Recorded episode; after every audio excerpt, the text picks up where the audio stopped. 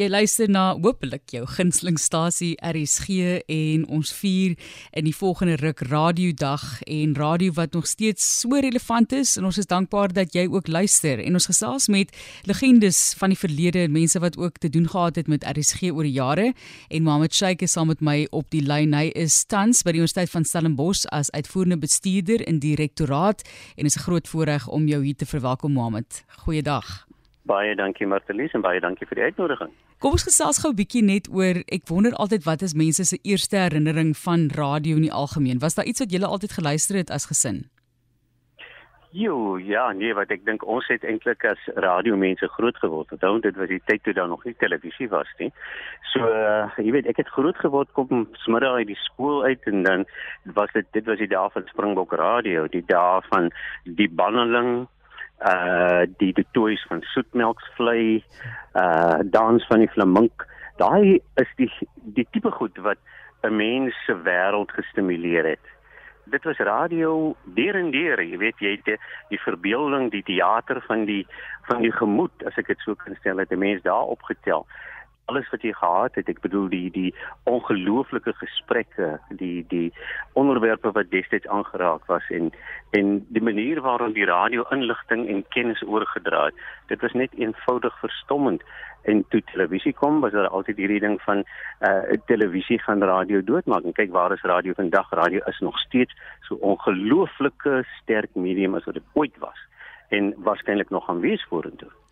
En laterand Mohammed natuurlik RSG self voordat ons kom by daardie Afrikaanse radiodiens nog op daardie stadium wat jy die hoof van aangebied is, net die idee van RSG. So jy het nou Springbok Radio geluister en daai tipe van radiostasies natuurlik ook laterand RSG ook geluister. Enigiets van RSG wat jy onthou van jou Oei. jong dae? O ja, seker. Ek bedoel ons het altyd as jy nou vir al die destyds was dit mos nog wat Radio Suid-Afrika, as ek reg kan onthou voordat dit die Afrikaanse radiodiens van die SAK geword het of iets dergeliks.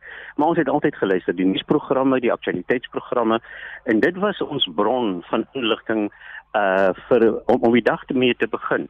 Dis dit was die die uh, aanleidende faktore of die wat ek sê die aanknopingspunte vir gesprekke rondom die tafel Ehm um, en en en dit het ons gehelp ook om te kan verstaan wat rondom ons gebeur, wat is besig om te gebeur ver buite ons landsgrense, maar ook wat is besig om te gebeur binne ons landsgrense, uh, ook maar gegee binne die konteks van die politiek van die dag. Maar dit het ons gehelp, dit het ons geleer, dit het ons bepaalde inligting gegee en gedeel en en wat vir ons 'n dieet van kennis gegee het wat wat vir ons van onskatbare waarde was. Nou ek weet jy het 'n beklee 'n hogere posisie Mohammed, maar mis jy enigstens die mikrofoon? Ek moet vir eerlikwaar sê daar's baie dae dat ek na die radio luister spesifiek op RSG en dat ek soms net met tande kners en sê ek, ek sou dit nie so gedoen het nie, ek sou dit 'n bietjie anders gedoen het. Maar maar maar dit dit, dit is aanduidend van van hoe verknog 'n mens raak aan die radio, hoe verknog 'n mens raak aan die mikrofoon en en jy sterf dit nie af nie. Jy weet dit is iets wat by jou bly jy het maar altyd daai daai voorliefde vir vir die mikrofoon. Maar en jy weet radio leer vir jou kwaliteite en en ook bepaalde vaardighede, né? Uh spoedlees en die klas van ding wat in my absolute lewe vandag so onmisbaar is en en dat jy vinnig sintese kan maak van baie van van 'n groot volume van inligting. En dis dis vaardighede daai wat radio vir jou leer en dat jy ook helder dink en helder artikuleer. Jy weet, dis dis is goed wat belangrik is vir mense wanneer jy later in ander poste of hoër poste gaan of jouself in 'n ander domein bevind, maar dis kritiese kritiese vaardighede wat mens nodig het ja. in enige domein. Ek onthou nog al spoedlees op laerskool ook. Ek was redelik goed daarmee en ek is ek is ek dink ek lees nog steeds lekker vinnig, maar ja, dit en tik, mamma, dit en tik sê ek vir jou goeie ja, vaardighede. Ja, ja. Maar kom ons gesels gou 'n bietjie oor die verlede. Ons vier natuurlik ook die baie baie jare wat RSG mense die diens lewer van inligting en van vermaak en mense op hoogte hou van die sake van die dag. So, ja. is daar gunsteling herinnering van radio vir jou? dalk interessante onderhoude wat jy onthou? Weet jy, ek ek dink een van die die onderhoude wat vir my uitstaan wat ek dit so stel is nie net 'n onderhoud nie maar dit was 'n 'n hele lang gesprek maar ook 'n tipe hoorbeeld wat ek gemaak het met uh ons hartpionier Chris Barnard. Ek het die voorreg gehad om met hom daar in Blouberg te gaan praat en die verstommende nederigheid wat ek by die man opgetel het, né? En hy vir my vertel het oor al sy wederervarings en wat hy gedoen het in die tyd en in die aanloop tot die eerste hartoortplanting en en hoe dit alles bymekaar gekom het in in daai jare en en wat dit beteken het en dit al vir mense vreemd was toe hy gesê het maar eintlik is die hart net 'n pomp en dis 'n mens jy weet mense het uh, gedink maar die die professors het, uh, het nou regtig vaar die grense oorskry van van waar die die mediese wetenskap nou eintlik om mee besig moet hou kyk waar het het hy gekom maar die mooiste uitdrukking wat hy vir my gegee het is dat en kon dit ook sien in sy in die manier waarop hy gepraat het is dat die bome met die meeste vrugte se takke hang laag, né? Ek onthou dit tot vandag toe. Ek sal dit nooit vergeet nie. En jy weet dit was dit was vir my uh dit was nie net inspirerend nie, maar dit was vir my ook 'n manier van leer by 'n mens wat 'n uh, absolute passie gehad het en 'n toewyding vir waarmee hy besig was en en hoe hy eintlik geweet het as hy hierdie ding reg kry, gaan dit die mediese wetenskap totaal verander. En hy het dit gedoen. Wat 'n voorreg om daai onderhoud te kon doen. Mohammed Sheikh wat met ons gesels, ons vier radio dag Sondag en ons fokus op daardie wonderlike stories en herinneringe en musiek van die verlede vandag op 360. Die belang van Afrikaans Mohammed en radio vir almal wat Afrikaans magtig is en die toeganklikheid van die taal. Dit is 'n baie belangrike gesprek natuurlik ook oor die dekades. O ja, ek moet vir jou sê toe ek hoof geword het van van RSG toe was dit een van die goed wat my nogal baie na in die hart gelê het, jy weet. Ek het by die SAK begin toe ek by spesifiek dan nou in my hoedanigheid as as die hoof van die diens en die een ding wat ek verwag het was dat daar 'n ongelooflike ondersteuning sou wees vir die taak wat nou voorlê, die bevordering van Afrikaans. Dat ons Afrikaans, jy weet, uh, in daai stadium het ons altyd ek het persoonlik het ek altyd die gevoel gehad van ons Afrikaans fokus is te eng. Ons moet Afrikaans vrymaak. Afrikaans moet moet vrolik wees. Jy weet ons moet ophou so jy weet die woord wat ek destyds gebruik het was laat ons minder hardlywig wees rondom Afrikaans.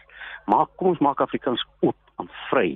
En en ek dink dit was dit was een van die goed wat ek probeer doen het by die by die radio en dit is om Afrikaans oop te maak vir al sy sy uh verskillende aksente. Vir al die die die die die gedeeltes wat op tot in daai stadium by Afrikaans uitgesluit was. Met ander woorde kyk vandag hoe lewendig is Kaaps. Hoe erken mense Kaaps die lewendigheid en en in daai pulsendheid van Afrikaans en en die Afrikaanse beeldspraak wat eintlik uit Kaaps uitkom en hoe verryk dit ook die Afrikaans eintlik? En in daai jare was dit 'n geval van dit klink vreemd op die radio. Ons moet dit nie eintlik hê nie. Jy weet en en, en ek dit was vir my net baie baie duidelik. As ons Afrikaans kompartmentaliseer, gaan ons Afrikaans doodmaak. En en ek het juis probeer om dit reg te kry om oop te maak waar ons kan dat ons die Afrikaans in sy wydste sin kan reflekteer op die radio. Dit is die dis dis die een ding waaraan ek baie baie hard gewerk het om dit gedoen te kry. Goed. Ek was nie vreeslik lank daar nie, maar een van die redes wat vir my baie baie verstommend was wat ek van uit die geleedere by die SAK gekry het is dat hulle het nie daai besef gehad van hoe 'n belangrike middel uh, en en 'n samebindende faktor is die Afrikaanse taal nie. Ek gaan vir jou 'n goeie voorbeeld gee. In daai stadium was daar die binnengevegte binne die binne die die die SAK oor RSG is 'n bevoorregte stasie. Daar is soveel senders die die die die stasie senders dwars oor die land. Ek dink in daai stadium het ons iets gehad. Ek praat nou onder korreksie van iets soos 128 senders wat Afrikaans dwars oor die land uitsaai, maar toe kom die teenargument. Ja, maar wat van Radio Zulu en wat van Radio Khoza wat eintlik baie minder senders het, maar baie meer luisteraars. En en ons het gesê die belangrike ding hier wat ons nou aan moet werk is moenie Afrikaanse radio aftrek nie. Trek liewer die ander op na die vlak toe van van Afrikaans. En en ek sal nooit vergeet nie, ek is eendag gevra om vir die raad van die SAK te gaan verduidelik as hulle die sender sou wegvat wat die implikasie daarvan is met ander woorde dat die dat die Afrikaanse diens dan nie eintlik meer sy mandaat uitvoer nie. Dis die kern wat ek vir hulle gesê het.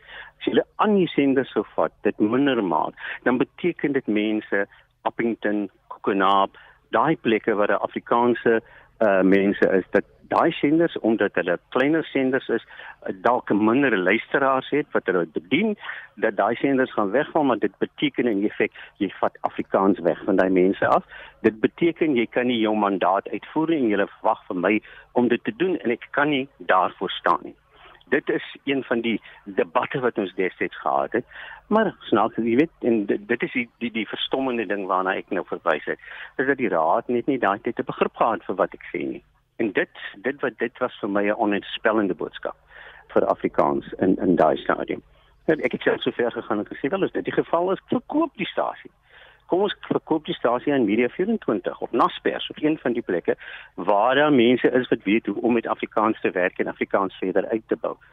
Antwoord aan my was as jy nou wil hê dat 'n staatsman soos Nelson Mandela moet in sy graf omdraai, dan moet jy nou hierdie voorstel maak. Dis ek maar dis my my punt kom ons laat reg en geregtigheid geskied. Ons moet nie dink oor hierdie goed. Ons moet nie as ons dan wil senders verdeel, dan moet ons op 'n baie oordeelkundige manier te werk gaan om dit gedoen te kry, maar dat ons die Afrikaanse diens nog steeds toelaat om sy mandaat uit te voer as openbare uitsaaidiens.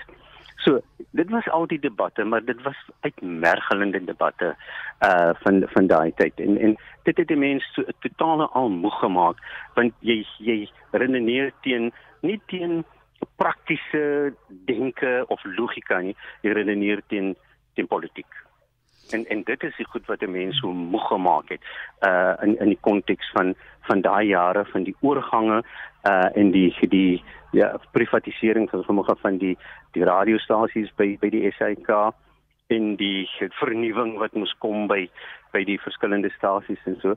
So ek het nie vreeslik song en dansie van gemaak nie, maar dit was werklik ek mergelende soort van gesprekke wat wat ons in daai stadium gehad het. Maar vandag is dit bly dat mense soos Wyle Sarah Meiburg en die ander die stryd voorgesit het en dat Afrikaans nog steeds vandag 'n ongelooflike goeie radiodiens is fascinerende en moeilike geskiedenis met Mohammed Sheikh wat vir ons deur dit draf sy ervaring van die geskiedenis van RSG ook en dan laastens net Mohammed 'n boodskap van jou aan die luisteraars van vandag. Daar's nog so baie wat ons oor kan gesels. Ek kan vir lank lank met jou gesels oor hierdie stories en wat jy dink van die toekoms van radio en vir Afrikaans, maar jou boodskap vandag vir ons luisteraars waar ons Sondag later dan nou radiodag vier. Wel, ek ek wil RSG gelukwens hier op Radiodag dat ehm um, die diens nog steeds so eintlik 'n jubelende faktor in ons lewe is. Soveel van ons bied, soveel nuwe vensters oopmaak op hierdie groot huis van Afrikaans. Dat almal in daai uh groot huis, ons het altyd gesê, maar daar's baie kamers in hierdie huis van Afrikaans. Kom ons maak hulle oop, kom ons maak hulle lewendig, kom ons maak hulle kom ons verlewendig dit sodat sodat die taal opnuut kan kan kan, kan jubel en bruis oor die land en uh, ek is doodseker met alles wat nou gedoen word uh op op op die radio spesifiek die RSG dat daar 'n lang wye en 'n baie mooi toekoms vir radio sal wees spesifiek vir die Afrikaanse taal. Baie baie dankie Mohammed Sheikh dat jy tyd gemaak het om met ons te gesels besige skedules wat hy het en ek hoop jy kan hom so nou en dan ook RSG luister sonder om te dink ek sou dit anders gedoen het. Ek weet hoe jy voel mense is mos altyd besig om te werk as jy luister na radio of as jy met iets by iets betrokke is wat jy self altyd ook gepleeg het, né? So baie baie ja. interessant, maar baie dankie daarvoor my plesier.